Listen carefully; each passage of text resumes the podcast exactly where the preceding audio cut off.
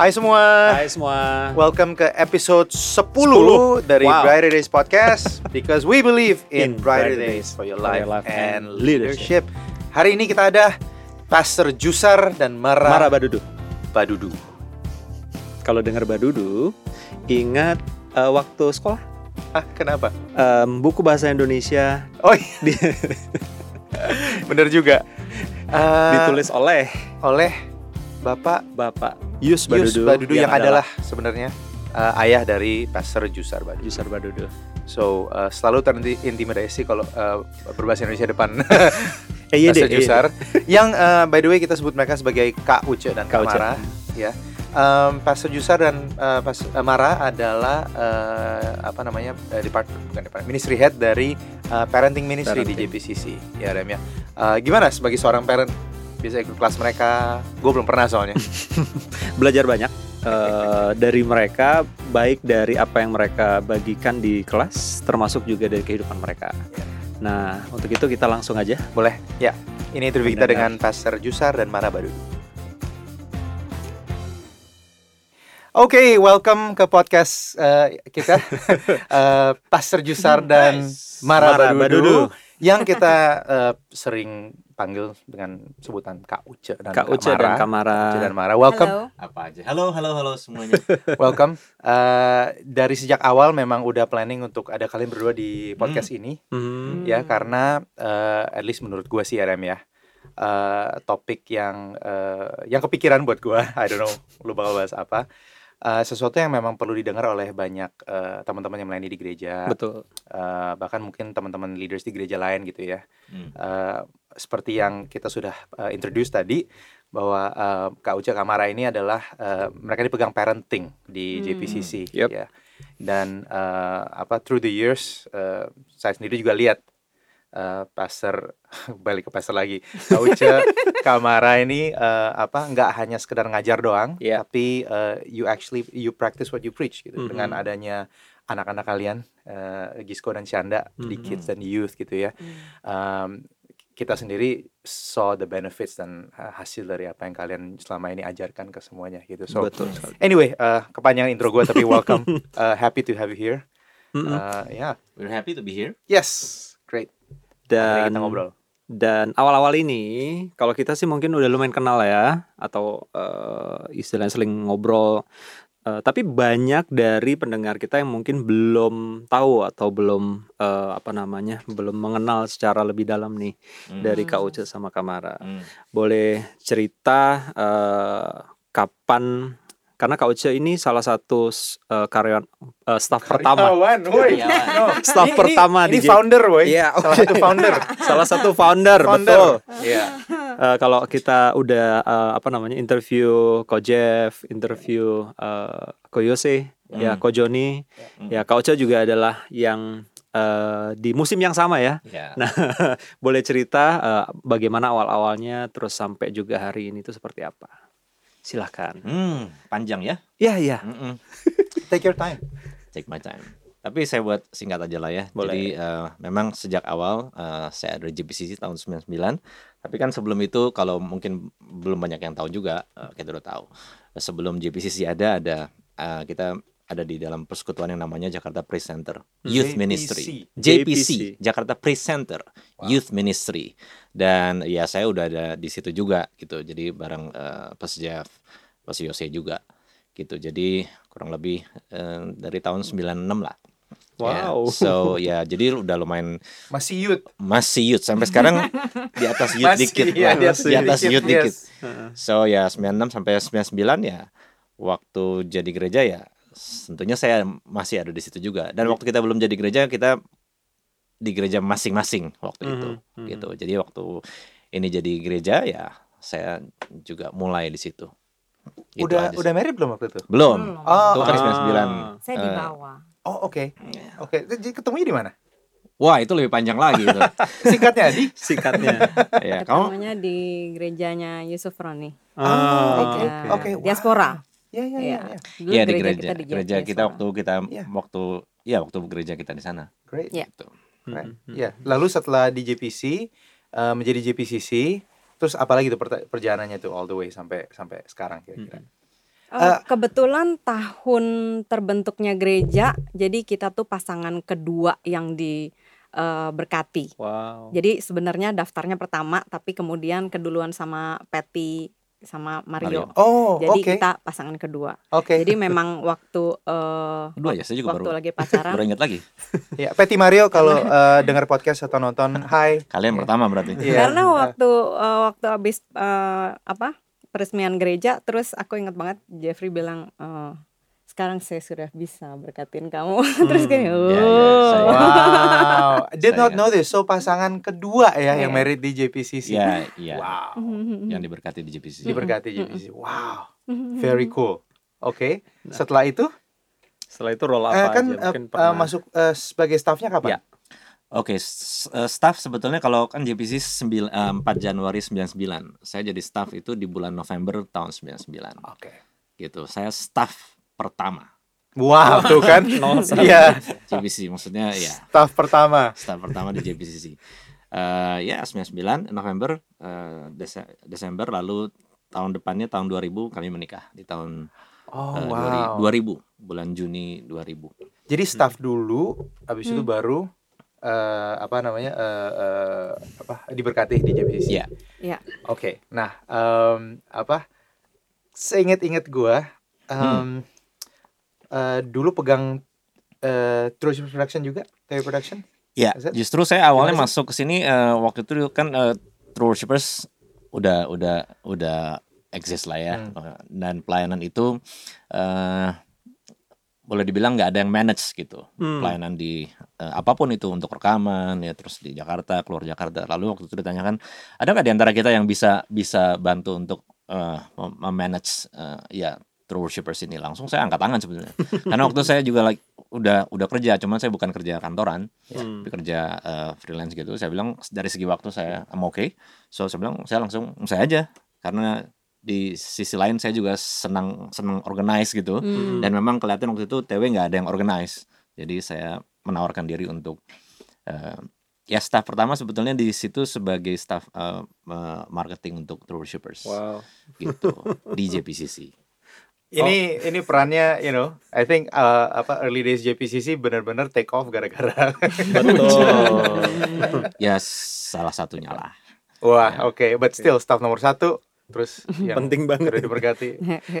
Ya. banget, banget, banget. seperti itu lalu saya terusin aja ya Iya, Lalu terusin terusin aja aja, sebenarnya waktu itu eh, persekutuan Jakarta Presenter-nya masih ada masih berjalan dan Pastor Jeff kasih saya untuk eh, apa namanya untuk saya yang ambil tanggung jawab itu karena gereja udah berjalan kan hari Minggu tapi persekutuan waktu itu hari Jumat Mm-mm. dan eh, Pastor Jeff minta saya untuk coba kamu handle yang persekutuan hari Jumat supaya itu tetap berjalan dan tetap karena tetap banyak orang yang datang ke hari Jumat di Hmm. persekutuan itu Oke. dan itu terus berjalan sampai tahun 2004 Mm-mm.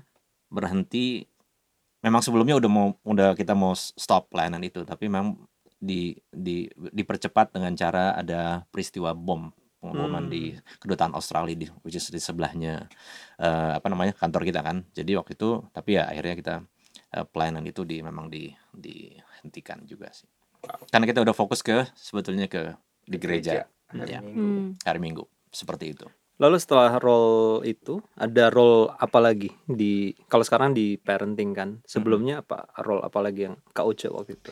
Iya setelah itu karena waktu itu kan Jakarta Presenter sebetulnya banyak banyak eh, pegang bukan youth sebetulnya sih dibilang youth tapi banyak orang eh, anak kuliah gitu ya Mhm. profesional muda yang udah bekerja juga jadi setelah itu berhenti kita Yang memang adult. memang waktu itu mau bikin eh, youth untuk gereja Hmm. GPCC youth lalu akhirnya eh, Pas Jeff lagi again eh, kasih kepercayaan ini kepada saya dengan Sydney. Oke. untuk mengembalakan yang kita waktu itu mau mulai Ya. Eh, apa namanya eh, supaya ada pelayanan untuk youth di gereja Yes. JPCC. Jadi sejak 2004 kita mulai pelayanan youth yang kita namakan dengan Oxygen. Oksigen. Yap. Anak Gitu. oksigen. Anak Happening oksigen. banget ya waktu itu. Happening banget. Sebenarnya just sederhana mau mulai pelayanan eh, youth aja Ya. sih, gitu aja sih. Mm-mm. Ya itu singkatnya 2004. Oke. Sampai akhirnya terus diberikan kepercayaan sebagai eh, atau di area parenting ya. Gitu Iya, eh ya. Jadi setelah sekian lama, em, sebetulnya sejak kami menikah kami punya beban untuk eh, apa namanya ya, ya mendidik membesarkan anak dengan cara yang Hmm. caranya Tuhan gitu.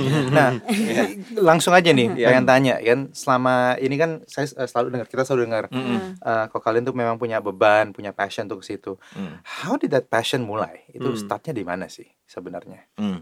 Eh, saya dulu Boleh. sedikit ya. Iya, iya, iya. Karena saya anak saya ini anak kesembilan ya. Lalu jadi saya, saya punya delapan kakak saya yang udah punya anak dan saya lihat lumayan saya lihat cukup banyak pertumbuhan dari eh, ponakan-ponakan saya dan saya pikir ya itu menjadi pembelajaran yang saya bilang wah ini bagus kalau saya nanti punya anak begini atau bahkan ada yang saya saya pikir saya nggak mau gini caranya gitu dan saya lihat dari dekat pertumbuhan perkembangan mereka Oke. ya tentunya banyak yang positif dan saya pikir saya juga mau seperti itu dan saya Wow. mau eh, saya nggak mau apa namanya ya eh, nggak mau salah gitu dalam membesarkan anak gitu ya sehingga itu menjadi salah satu apa namanya ya pendorong untuk nanti kalau punya anak saya mau begini begini begitu dan dia ketemu dia yang sama dengan background yang agak berbeda mungkin mungkin Mhm. bisa Hmm. cerita Kalau di aku mungkin latar belakangnya eh, dari keluarga ya.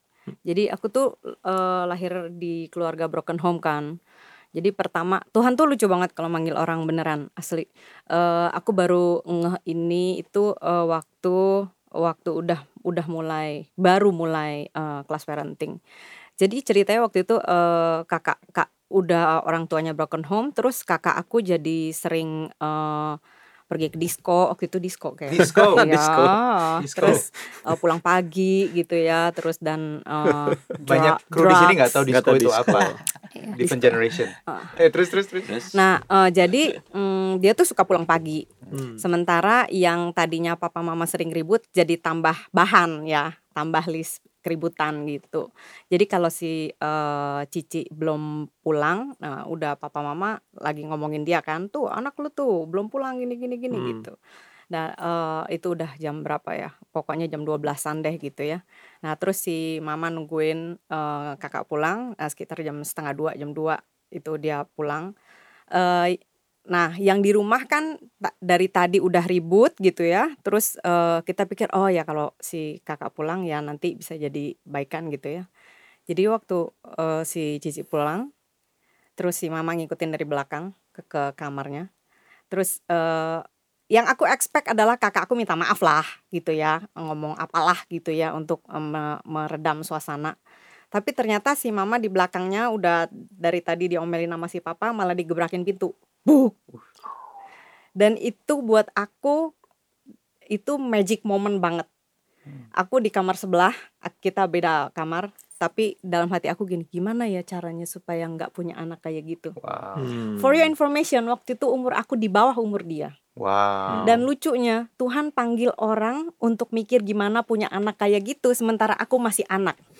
Wow. Itu kayak, That's amazing. dah Tuhan, Iya, iya, iya, iya. manggilnya lucu banget. Iya, iya, iya. Padahal waktu itu, eh ya itu dia eh, dia belum selesai kuliah, Hmm. aku baru mau kuliah, tapi pikiran aku udah pertanyaan itu selalu ada di dalam hati aku sampai Hmm. sekarang. Wow. Even before aku memulai kelas parenting, gimana caranya supaya nggak bikin anak kayak gitu. Wow. Jadi from that moment pertanyaan itu yang kayak keep pushing you Hmm. kayak mulai ke dulu nggak ada eh, toko buku kayak sekarang Kinokuniya adanya cuma Immanuel sepotong doang Hmm. terus eh, buku-buku impor cuma di lantai dua Ya, Iya, ingat iya, Nah. masih yes. aku selalu Ya. ke atas curi-curi untuk lihat eh, buku-buku impor karena buku Indonesia jarang Hmm. yang menyentuh tentang eh, anak muda Wow. jadi Hmm. buku-buku import itu kayak ngelihatnya aduh menarik banget gitu ya. Terus How to deal with Wow. your teenager kayak aduh itu apa ya isinya gitu. Ya, ya, ya. Lucu nggak sih? Karena lu kan dibungkus ya di segel Ah, ya. yes, Ya, emang sih. padahal waktu itu umurnya berapa? Wow. Nah, jadi emang unik banget ya gimana cara Tuhan memanggil dan itu eh, eh, eh, gayung bersambutnya adalah waktu mau punya anak. Hmm. Waktu mau punya anak jadi panggilan itu menjadi kenyataan karena kesempatan untuk beli buku itu untuk baca Ya. untuk dengar CD waktu itu eh, dari ada salah satu gereja yang ngomongin parenting dan nggak bisa dapetin yang lain kan dulu kan nggak bisa Google ya Hmm. jadi cuman dia yang eh, ada 10 seri eh, CD aku dengerin waktu ha- aku hamil. Wow. Eh, terus aku ya aku baca gitu. Wow.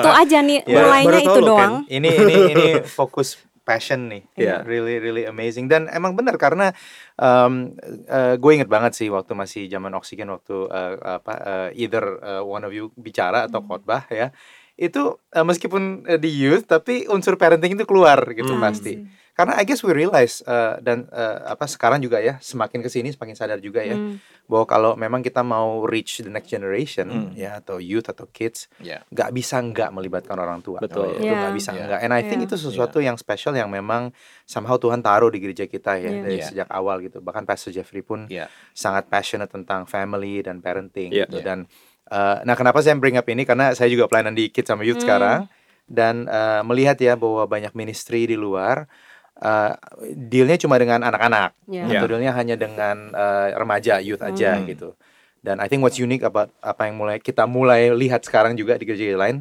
munculnya ministry yang bantu para orang tua juga Hmm. gitu Hmm. karena ya I guess uh, orang tua nggak ada sekolahnya gitu ya Betul. parenting ya Ya. So why not kita masuk ke situ? So anyway, talking too much. Question buat saya. Um, saya ingat eh, setiap kali kalau misalkan eh, kalian ngajar tentang parenting, Hmm. ya pasti bicara soal eh, love and discipline.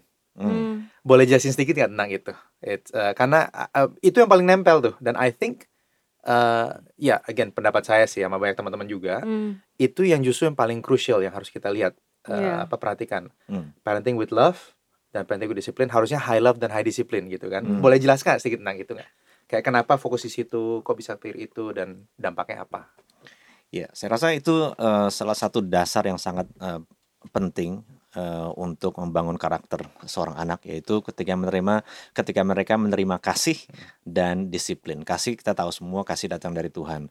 Kita perlu menerima kasih dan kita juga Tuhan mau kita menyatakan kasih. Ya. Ya, sehingga anak perlu menerima kasih dan diajarkan untuk menyatakan kasih.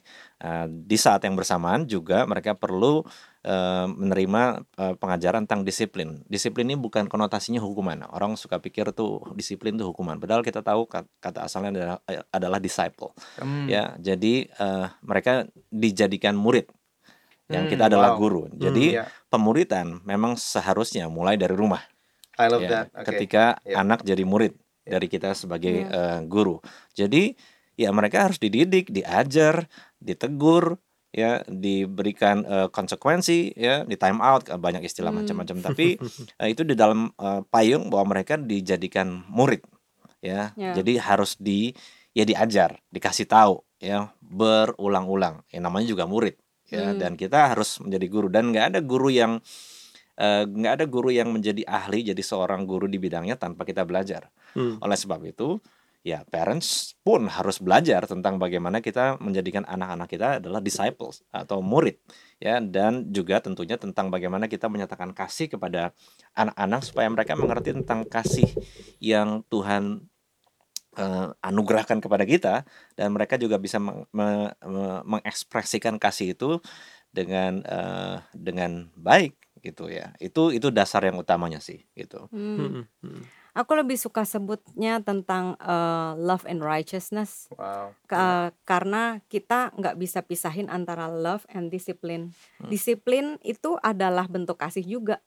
Karena waktu kita Hmm. mendisiplin anak, eh, justru waktu itu anak mengerti bahwa eh, kita mengasihi mereka begitu rupa sampai kita nggak mau membiarkan mereka menjadi sesuatu yang kita nggak mau. Hmm. Jadi eh, dari situ makanya saya suka bilang kalau disiplin anak pesan itu harus sampai Hmm, sehingga wow. anak tuh selalu tahu bahwa ini untuk kebaikan dia. Hmm. Jadi Hmm. eh, disiplin itu sendiri adalah bentuk kasih. Hmm.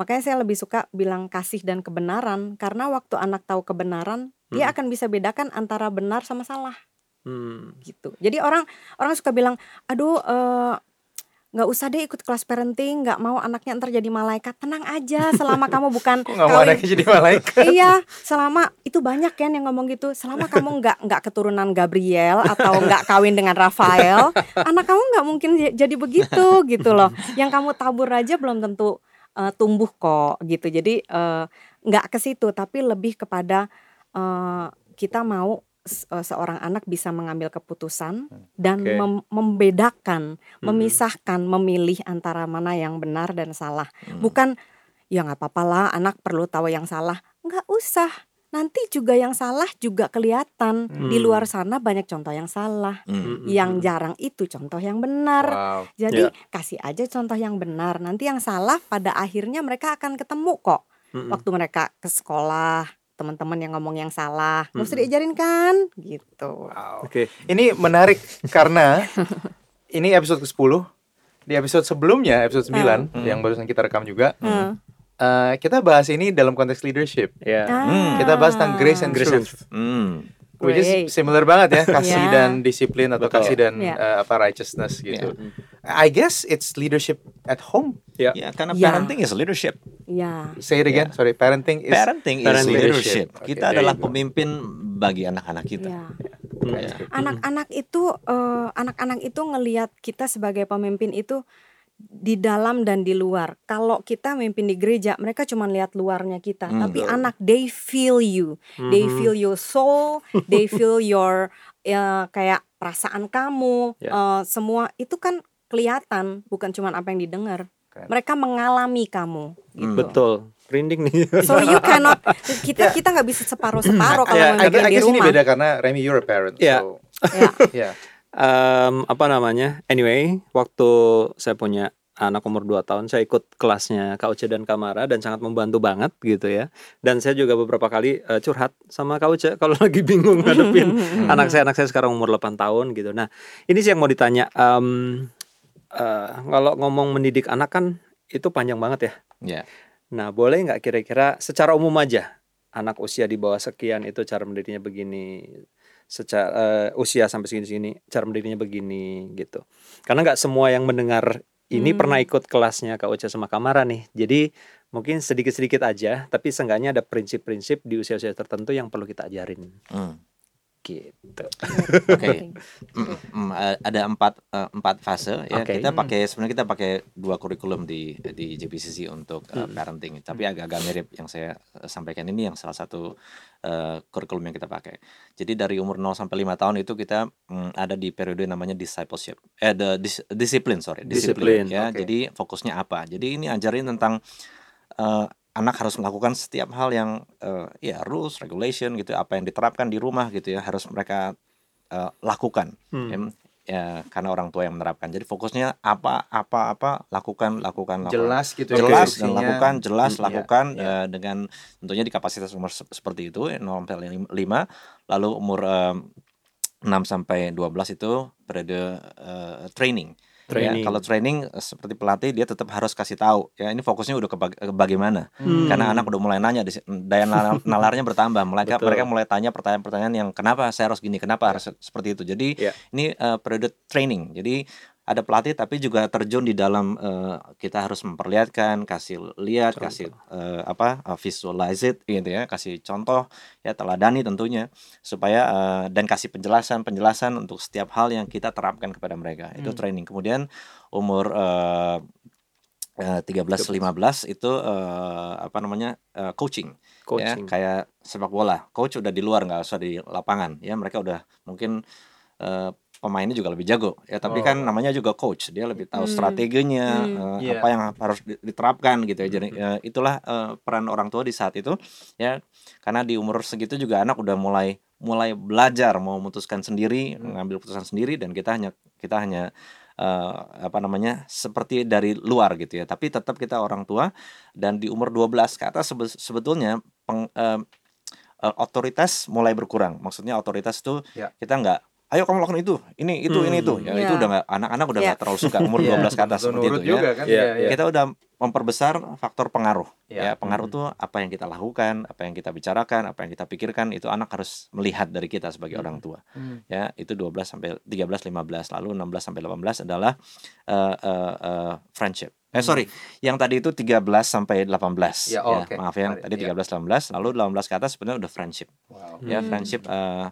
eh, seperti sahabat seperti wow. teman ya tapi bukan teman tentunya tapi Ya, kan seperti, seperti. sa- sahabat tapi kita tetap eh, eh, eh, punya hubungan yang eh, sangat kuat Iya. gitu ya itu eh, apa namanya ya kurikulum yang kita pakai which is sangat eh, applied ya di dalam apa yang kita eh, sampaikan saya kita nggak pernah bilang kita ngajar orang tua Ya, lain ya, kita kita share ini kepada orang tua yang lain Mm-mm. dan em, ya itu menjadi sesuatu yang membuat orang tua banyak disadarkan bahwa belum tentu menjadi seorang ayah atau ibu mereka menjadi seorang ayah dan ibu yang eh, tahu bagaimana Betul. menerapkan sesuatu kepada anak-anaknya ya kita Hmm. jadi dipanggil papa atau mama belum tentu kita jadi tahu kita Hmm. harus cari tahu Wow. Mm-mm. gimana caranya gitu ya karena Iya. kita nggak akan jadi ya sama itu saya bilang tadi guru kita kan guru kita harus belajar kan guru juga nggak ada Hmm. yang nggak Betul. belajar selalu jadi guru Iya. ya sama kita harus cari tahu belajar supaya ya segala sesuatu yang kita terapkan mm, akurat ya dan yang terlebih penting adalah dasarnya adalah firman karena firman adalah bi- bicara tentang bagaimana mengajari mereka untuk jadi taat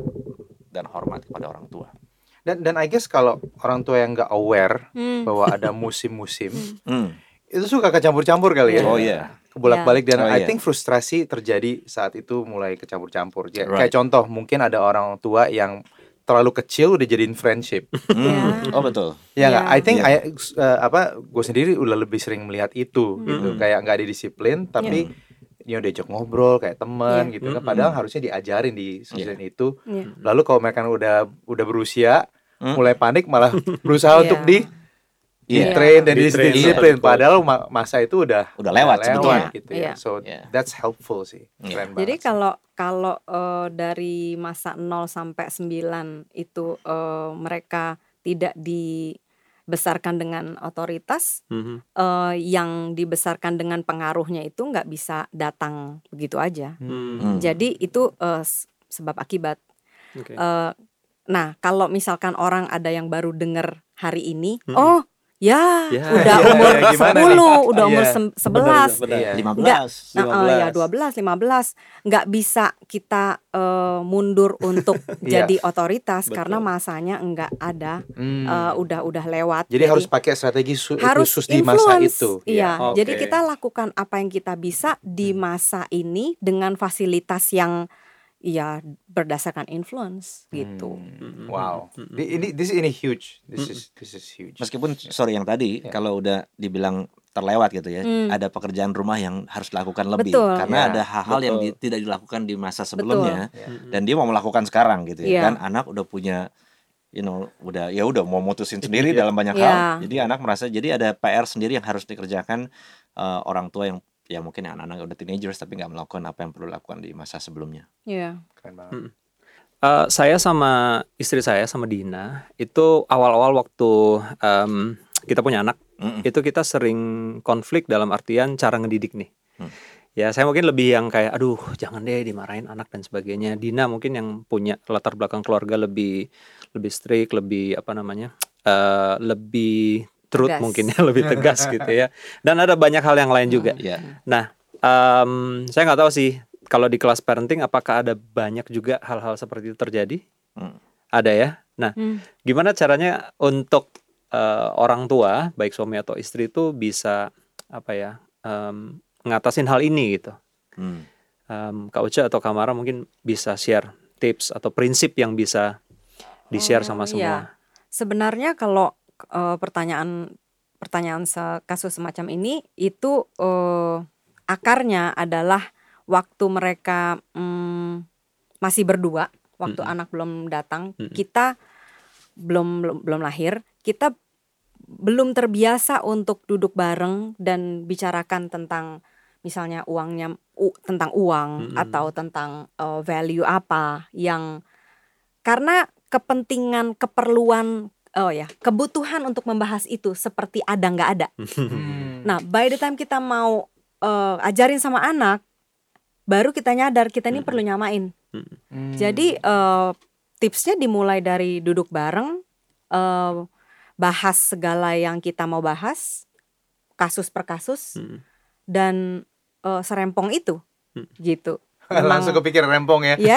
Serempong Serempong itu. karena karena sebenarnya yang Oke. dibahas itu eh, messy things yang bukan kayak terlalu bagaimana gitu. Heeh. enggak. Cuman caranya gimana nih? Kita mau dia caranya ini gimana? Bagaimana kita eh, cara kita menyampaikannya aja mesti eh, kurang lebih enggak terlalu beda. Hmm. kayak cara penyampaian eh, user Uce sama aku itu udah beda banget kalau kita nggak menyamakan. Hmm. dan kalau kita nggak menyamakan kita akan semakin berbeda. Hmm. karena eh, dengan dengan tantangan setiap hari saya akan semakin menjadi saya dan dia akan menjadi semakin dia Wow. gitu dan kalau dia semakin jarang ketemu misalnya ketemu kasus kalau dia pulang berarti kan eh, durasinya ketemu anak tuh dari jam 6 sore misalnya sampai Mm-mm. jam berapa 10 eh, 10 11. Sementara saya yang 10 12 jam. Hmm. Dosa lebih cepat kelihatan sama siapa? Sama saya. Nah, jadi eh, cara penyampaian juga orang yang sering ketemu dosanya dengan yang jarang ketemu dosanya,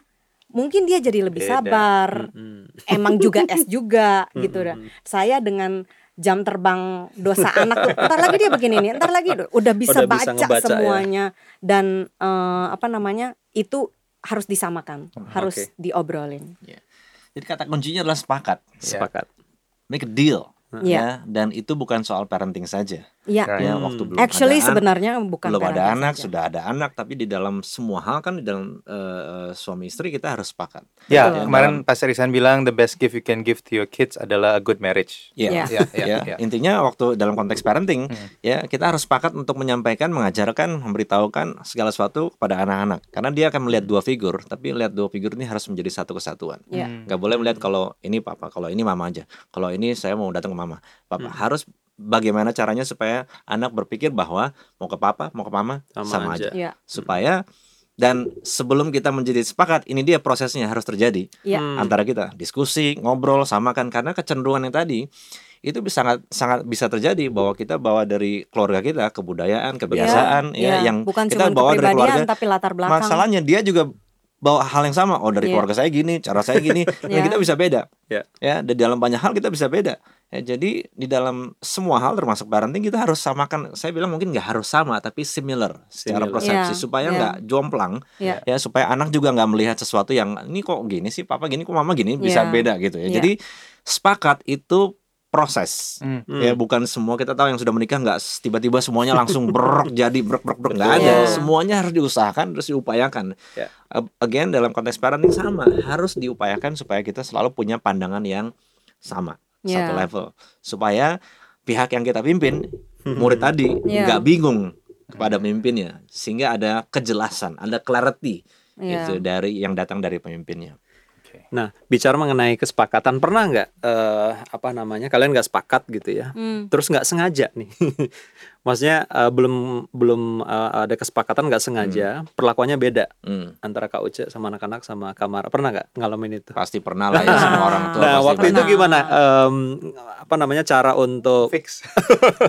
karena udah keburu Iya. ini kan? eh, oh ini papi boleh, mami Iya. nggak boleh dan itu gimana? Contoh yang paling sering kita kasih kasih kasih tahu sih soal ini ya misalnya makan es krim. Ah. Ya, ini again kan simple ya. Saya datang dari keluarga yang orang tua saya agak loose gitu ya. Sedangkan dia datang dari orang tua yang sedikit aja bersin batuk obat.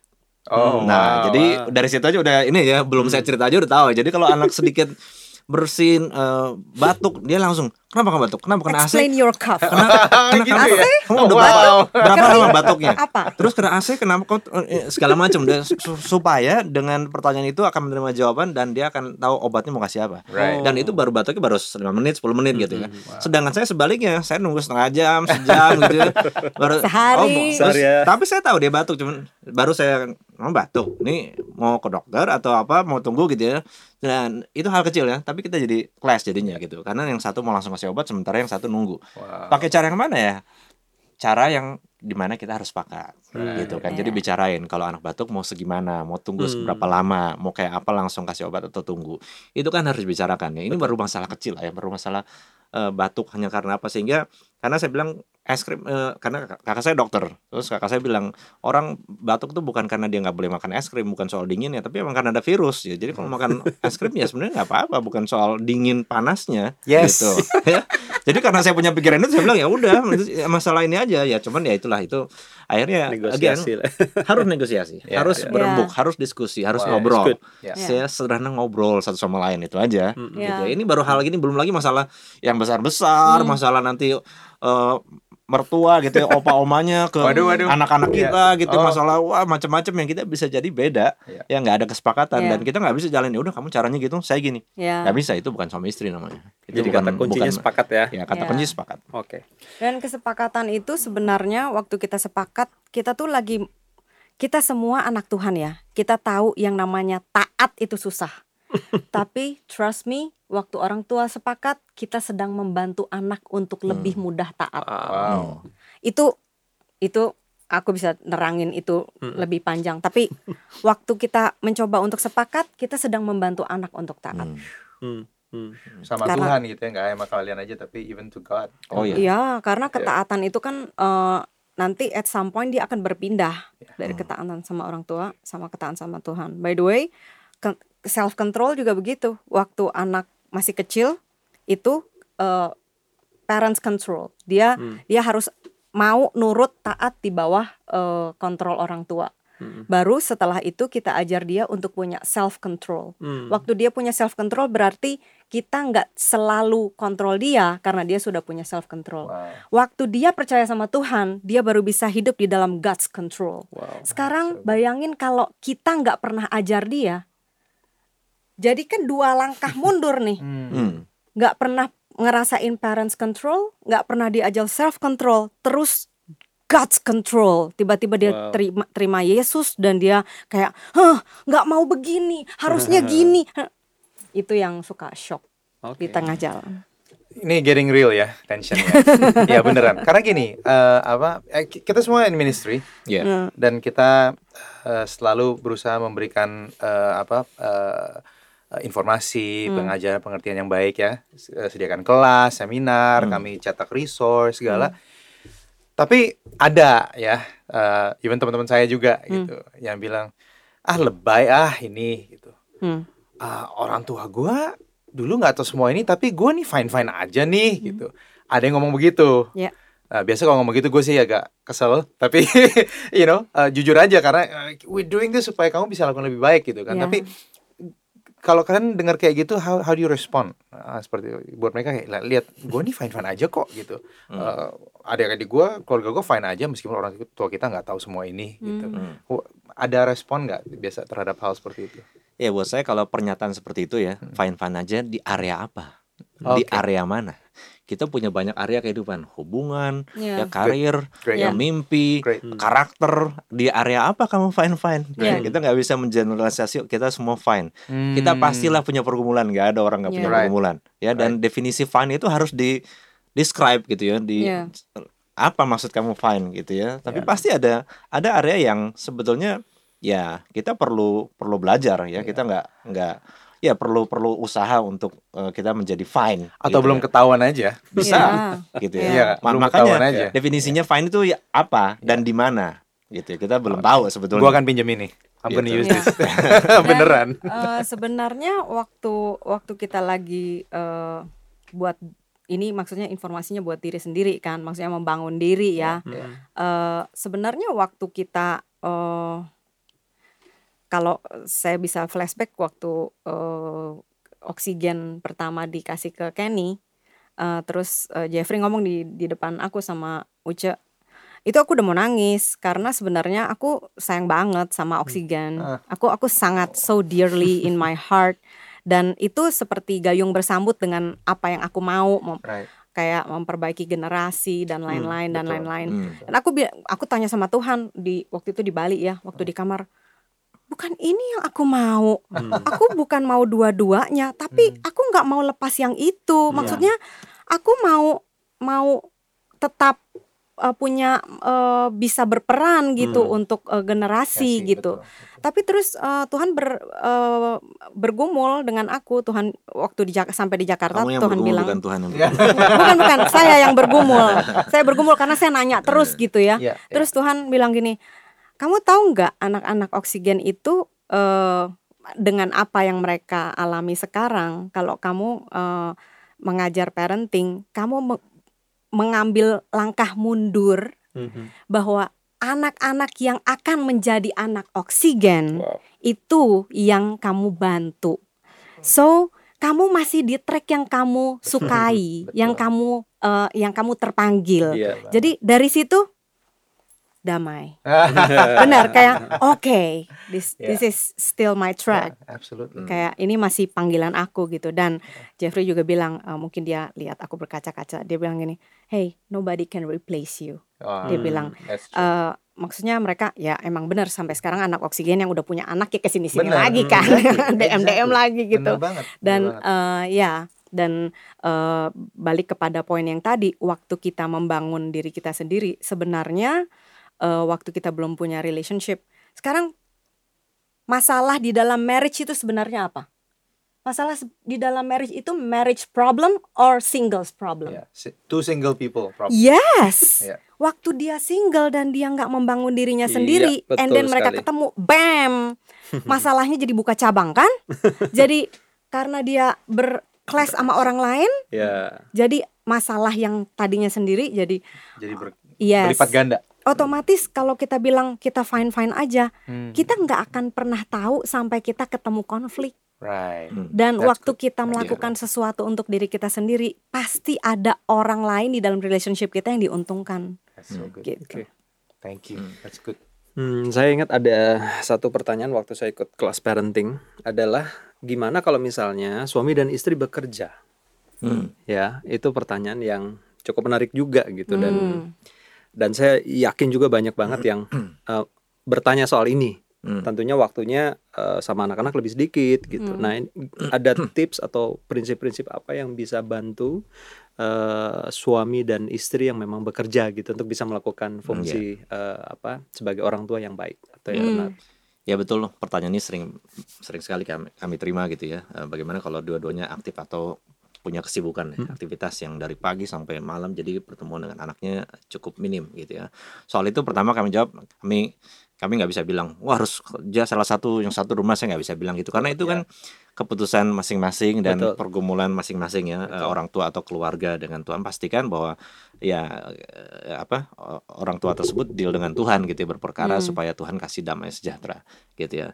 Tapi yang saya bisa kami bisa sampaikan adalah mm, di dalam parenting itu jangan mengukur hanya dari eh, kualitas waktu atau eh, kuantitas waktu. Ya, ada yang bilang oh paling penting waktu kuantitas, paling Ya. penting waktu kualitas ya.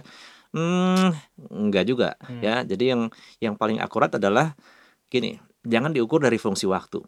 Ya, tapi gini, seberapa banyak waktu yang kita miliki dengan Ya. anak-anak, Hmm, pakailah waktu itu Yeah. ya Oke. waktu kita ada bersama dengan anak pakailah kesempatan itu untuk ber membangun hubungan Hmm. gitu ya. Maksud saya kasih contoh misalnya gini di mobil antar anak sekolah cuma 15 menit 20 menit apakah terjadi Yeah. komunikasi yang Ya. sering apa cuman diem-dieman Ya. atau di rumah ada di rumah ya cuman ya, yang Keren. satu pegang ini yang satu pegang ini ya itu katanya Oh, itu iya, kan ini dan itu kan ini. berkualitas kita bersama bersama ini. bersama tapi nggak ada gitu ya. Iya. Oh kita ini kok kita setiap minggu sekali kita berenang. Oke berenang. Abis itu ya bapaknya berenang 50 kali bolak-balik. Hmm. Anaknya di Wah, ya. eh, kolam renang yang cetak gitu. Tapi sendiri-sendiri abis itu pulang lagi. Itu Iya. bukan itu buat bukan quality time. Itu hanya Iya. melakukan kegiatan bersama, Bersama. di waktu yang bersama. Tapi nggak ada.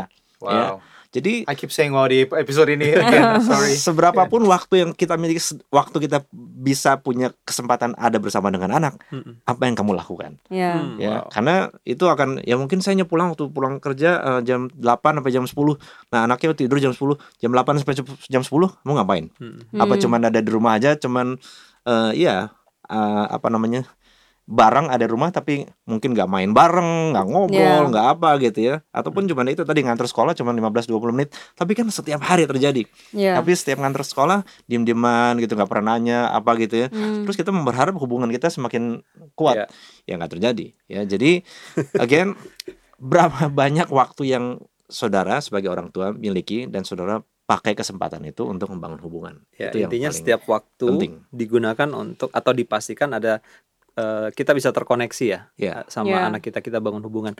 Eh, saya sendiri sama sama Rin anak saya. Jadi anak saya itu kalau kita cuman duduk gitu, Hmm. dia kayak gua eh, dia nggak nggak nggak mudah. Tapi kalau udah diajak main bola, Hmm, ya. udah diajak eh, melakukan aktivitas, dia bisa share banyak sekali. Ya. Jadi memang nggak bisa dipaksa juga kalau eh, duduk atau lagi apa namanya nggak melakukan apa-apa. Karena Hmm. kebetulan anak saya mungkin eh, kinestetik, jadi Hmm. memang benar-benar suka. Termasuk pulang kantor jam Hmm. 7 malam masih ngajak main bola juga Hmm. gitu. Jadi ya karena memang tantangan harus zaman- tahu Betul. tantangan zaman sekarang memang ini ya, Ya. betul sekali. mau di rumah mau di luar rumah ke mana pun anak pegang kita pegang ya jadi ini tantangan memang yang paling harus diputuskan Ya. mau seperti apa Oke. gitu contohnya di di keluar di rumah kami kita punya eh, istilah apa namanya NONG nine o'clock no gadget. Oh, Gitu ya. Nine Jadi o'clock. 9 PM. Nine o'clock no gadget. No gadget. N O N G. Jadi jadi kita taruh. Ini Ya. buat single juga berguna. ya mau diem dieman kayak diem tapi nggak mungkin ya diem dieman terus kita ada bareng terus nggak diem eh nggak nggak nggak ngomong gitu ya Iya. jadi membuat kita ngomong kadang-kadang kita saling mengingatkan apa yang anak Iya. besar ya ayah tuh oh ya udah berhenti oh ya udah berhenti kadang-kadang saya diingatkan Anak-anak gitu. udah udah tahu udah, ya. tahu karena mereka juga akan taruh nggak akan nggak akan pegang Betul, gitu karena ini nggak bisa ya harus harus diputuskan eh, s- berapa lama berapa ya itu ini bicara hal lain lagi ya tentang Ya. self control tadi gitu ya Iya dan em, eh, ingat juga dulu ada eh, seorang teman kita yang pernah kasih seminar di gereja bahwa sering kali eh, apa sekarang banyak orang tua itu outsourcing Hmm. ya kan karena Hmm. eh, mungkin mereka nggak pede mereka mungkin nggak nggak tahu pentingnya untuk eh, bagaimana maksimalkan waktu Iya. Jadi ya udah deh daripada gue pusing kasih gadget gitu Hmm. Eh, atau yang sering saya alami dan sekalian curcol gitu ya oh dititipin ke gereja Nah, gitu jadi penit- Iya. penitipan anak Iya, ya, jadi ya. just tip, jadi just tip anak gitu kan. Jadi kayak eh, ya tolong dong eh, pendeta ngomongin gitu, pastor ngomongin gitu atau mentor ngomongin gitu. Iya. Padahal kan eh, orang tua yang harusnya punya influence Iya, terbesar gitu iya. ya. Ya Betul. sekian curhat saya lah gitu, sebagai seorang kids and youth pastor.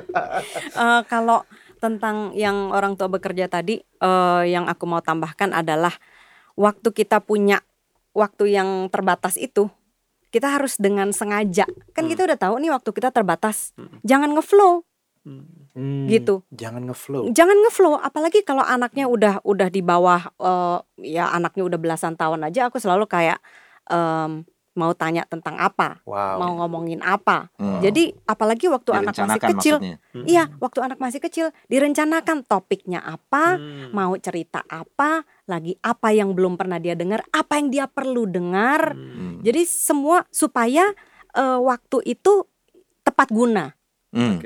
Terbatas tapi berguna. Dan percayalah waktu kita melakukan peran kita, peran kita nggak bisa digantiin Rem. Mm-mm. Jangan Perannya takut, jangan takut entar entar dia dihandle sama eh, mertua kak, sama kakak, sama tante, sama mbak, sama neni. Kalau kita melakukan peran kita, nggak akan ada yang bisa sama kayak kita. Wow. Hmm. Wow. Kayak misalnya, aku suka ngajarin gini, eh, cari tuh, misalnya kita mau ceritain apa, cari ceritanya. Hmm. Nah, cerita itu cuma disampaikan sama Bun. Jadi nggak ada orang yang sama kayak Bun, nggak ada orang yang bisa nyampein kayak Bun, nggak ada orang yang menyampaikan hal yang Bun sampaikan. Iya. Karena kalau misalnya, misalnya sama mertua, sama eh, siapa gitu, sama opa, oma atau mbak, mereka pasti ngeflow sambil makan, sambil main. Tapi waktu kita dengan sengaja mau menyampaikan sesuatu, nggak ada yang sama sama kita. Iya. Jadi jangan, maksudnya jangan takut. Iya. Kalau kita me- me- melakukan peran kita, Mhm. nggak akan ada yang bisa replace kita. Mhm. Tapi kita lakukan apa enggak, gitu. Hmm.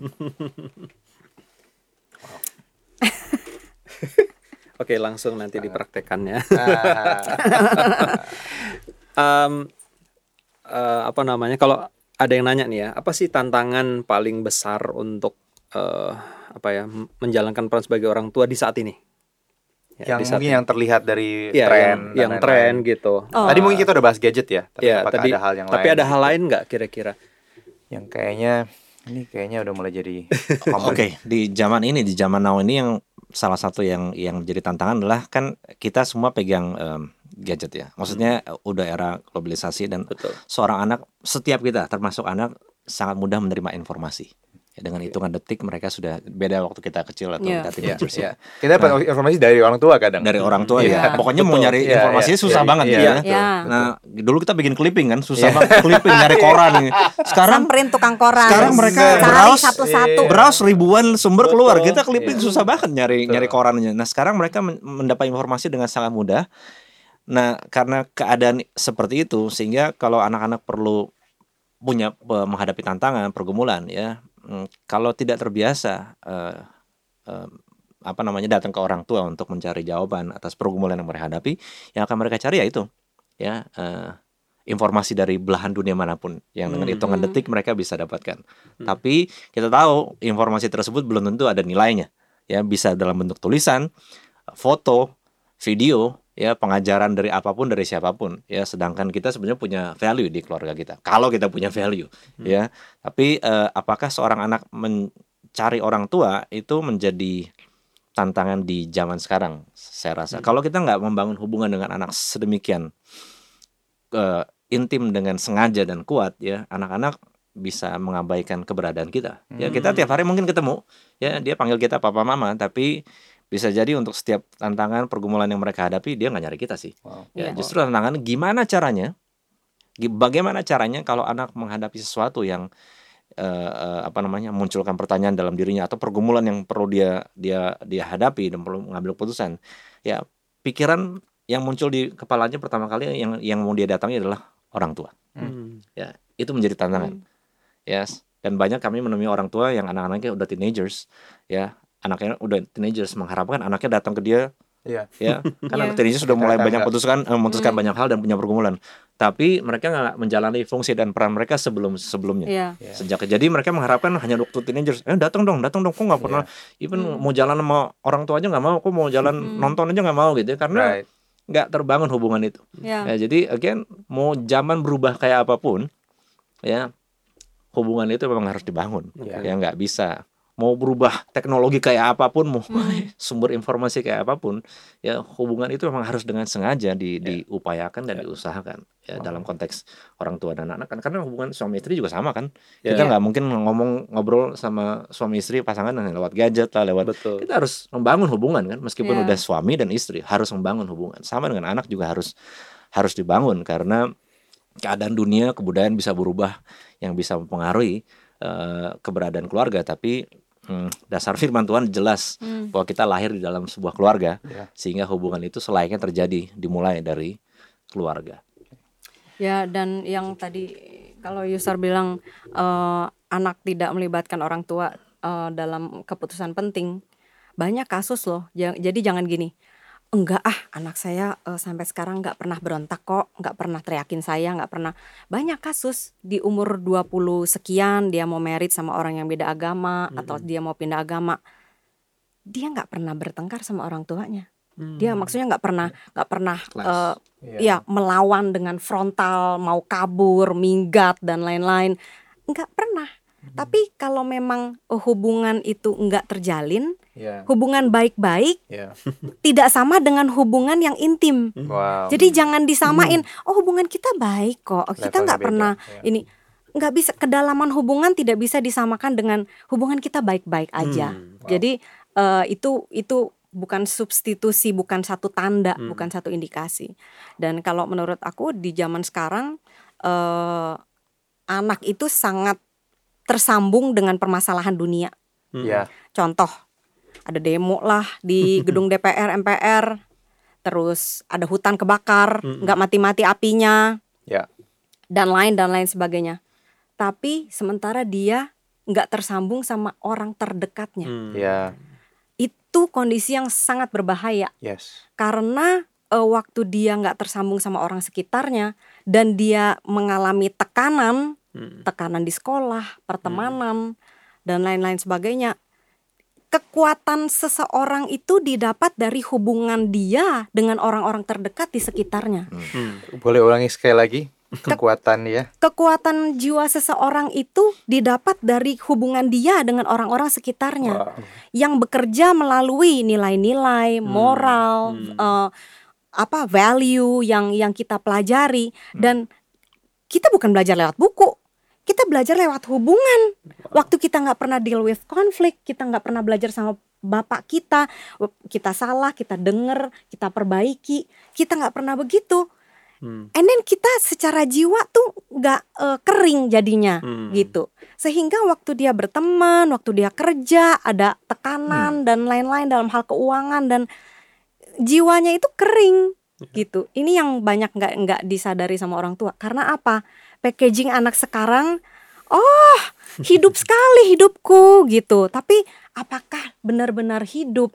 Jadi eh, adalah baik kalau orang tua melihat sampai ke dalam. Ya. jangan cuma ngelihat anaknya ketawa tiap hari buka-buka ini oh temannya banyak kok yang nge-like. Oh dia eh apa namanya sangat ha- apa eh di Instagram di mana-mana juga ini kok jadi seolah-olah secara sosial itu dia sangat fulfill kok dia Mm-mm. terpenuhi kok kebutuhan dia bukan itu jangan jangan ngelihat yang di depan Mm-mm. tapi kalau kita nggak pernah Hmm. eh, ngurusin yang di dalam dia nggak akan keurus sendiri Hmm. gitu. Ya ini bisa jadi topik sendiri Betul. karena eh, saya pribadi lagi banyak baca tentang ini dan apa yang tadi Mara eh, katakan itu spot on karena eh, ternyata itu salah satu akar terbesar anxiety sama depression Yes. sekarang itu karena mereka lost connection dengan orang yang terdekat Ya, sehingga mereka nggak punya tadi kekuatan ya secara Ya. jiwa gitu untuk bisa ngadepin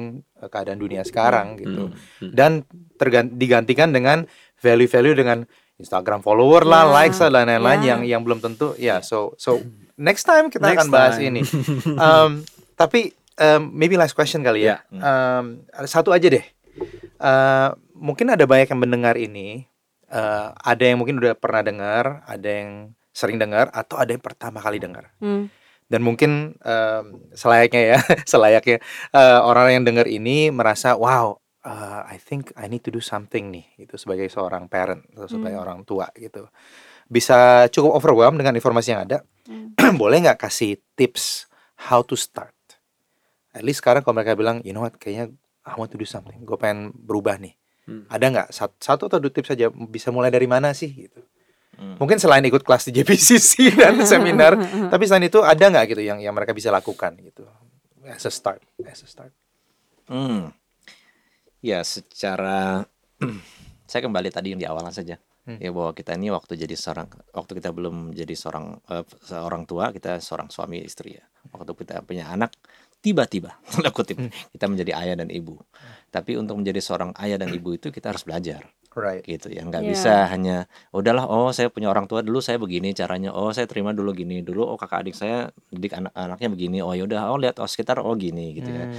jadi harus belajar. Belajar ya cari tahu ya, kepada orang-orang yang ya lebih tahu tentunya atau yang sudah mengalami sebelumnya. Ya bisa baca buku Hmm. bisa ikut seminar Ya. bisa ikut kelas course apa pun tapi intinya belajar Iya, intinya decide untuk mau belajar decide gitu. untuk mau Iya. belajar Iya, karena iya. tadi eh, musim kehidupan kita dan anak-anak kan eh, eh, eh, anak ya kan beda ya anak umur 2 dengan anak umur 12 cara kita ini beda anak umur 6 sama anak umur 15 beda Hmm. ya jadi kita harus cari tahu bagaimana caranya membesarkan mendidik anak-anak kita di s- setiap umur bahkan di sejak kandungan aja kita udah punya cara sebetulnya Right. ya Eh, jadi ambil keputusan untuk cari tahu atau dengan kata lain belajar Hmm. karena saya kembali tadi di awal kita ini guru Iya. ya Iya. kita ini eh, di bidang parent Iya. ya, parenting ya kalau kita nggak belajar ya setiap area atau bidang kalau kita nggak pernah pelajari oh saya jago komputer sejauh mana jago komputer ya saya bisa Excel Word ya itu bisa cuman ada orang yang Hmm. jauh lebih jago dari saya ahli karena apa karena dia memang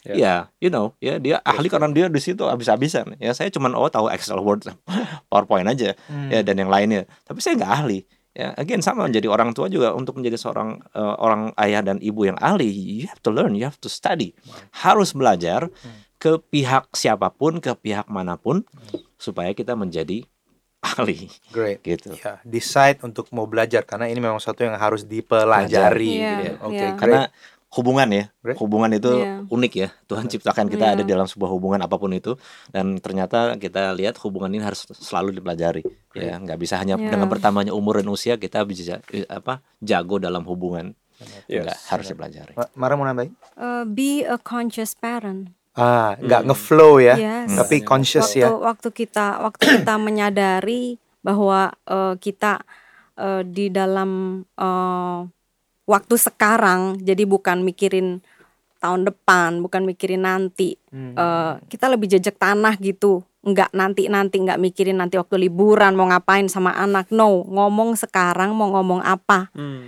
apa yang anak eh, perlukan. Jadi kayak kita kita duduk, kita pikirin kita dan kita pikirin anak.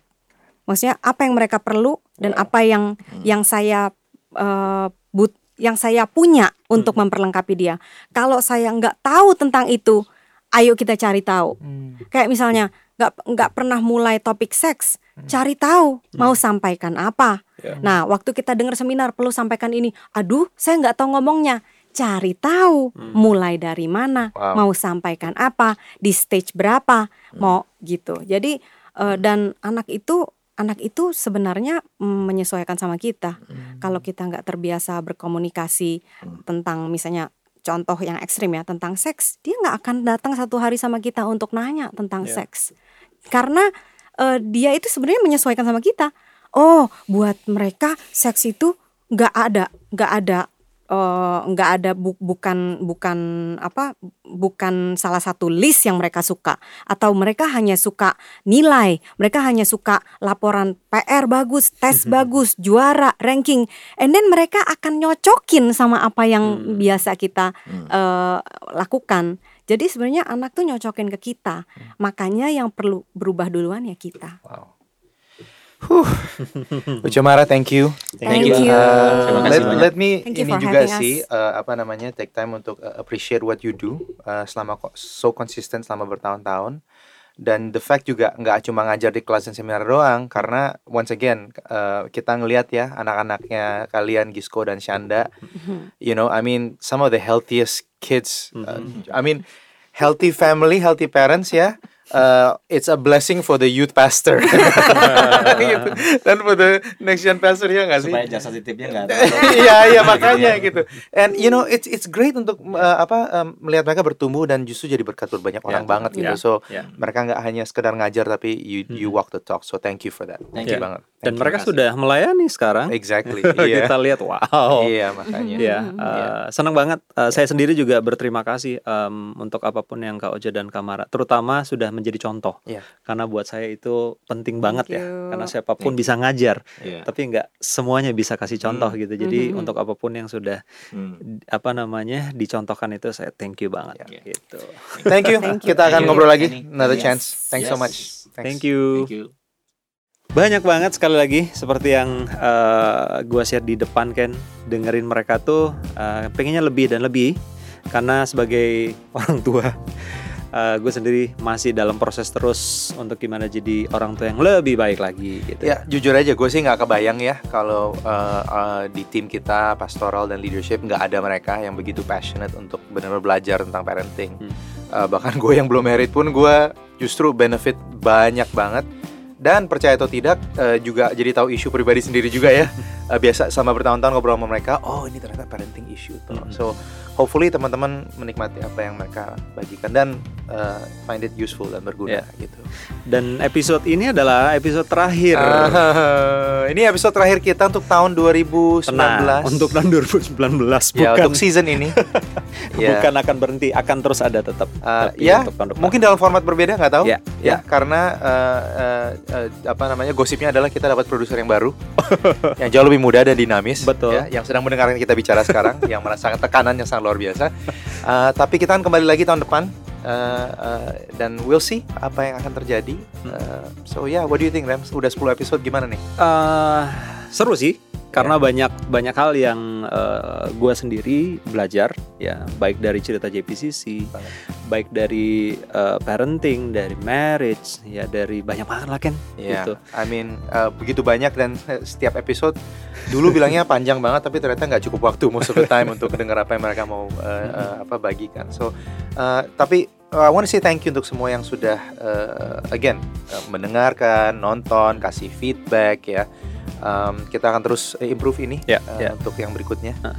Dan uh, ya hopefully Mm. uh, jauh lebih berkualitas. ya jadi kalau misalnya mau kasih ide Ya. sekali lagi mau apa pun idenya mau tamunya mau temanya boleh eh, kasih ide tuh di komen Ya. jadi kita bisa juga eh, karena memang kita sebentar lagi akan ngobrol ya dengan produser kita juga untuk eh, apa yang akan kita lakukan di season yang kedua Yes. tahun 2020. Yes. So jangan lupa uh, share, uh, like, comment, uh, subscribe dan uh, hopefully kita akan uh, nggak terlalu lama uh, ketemu lagi di season berikutnya. Eh mungkin hostnya bisa berubah kali. Tahu Rem. What do you think?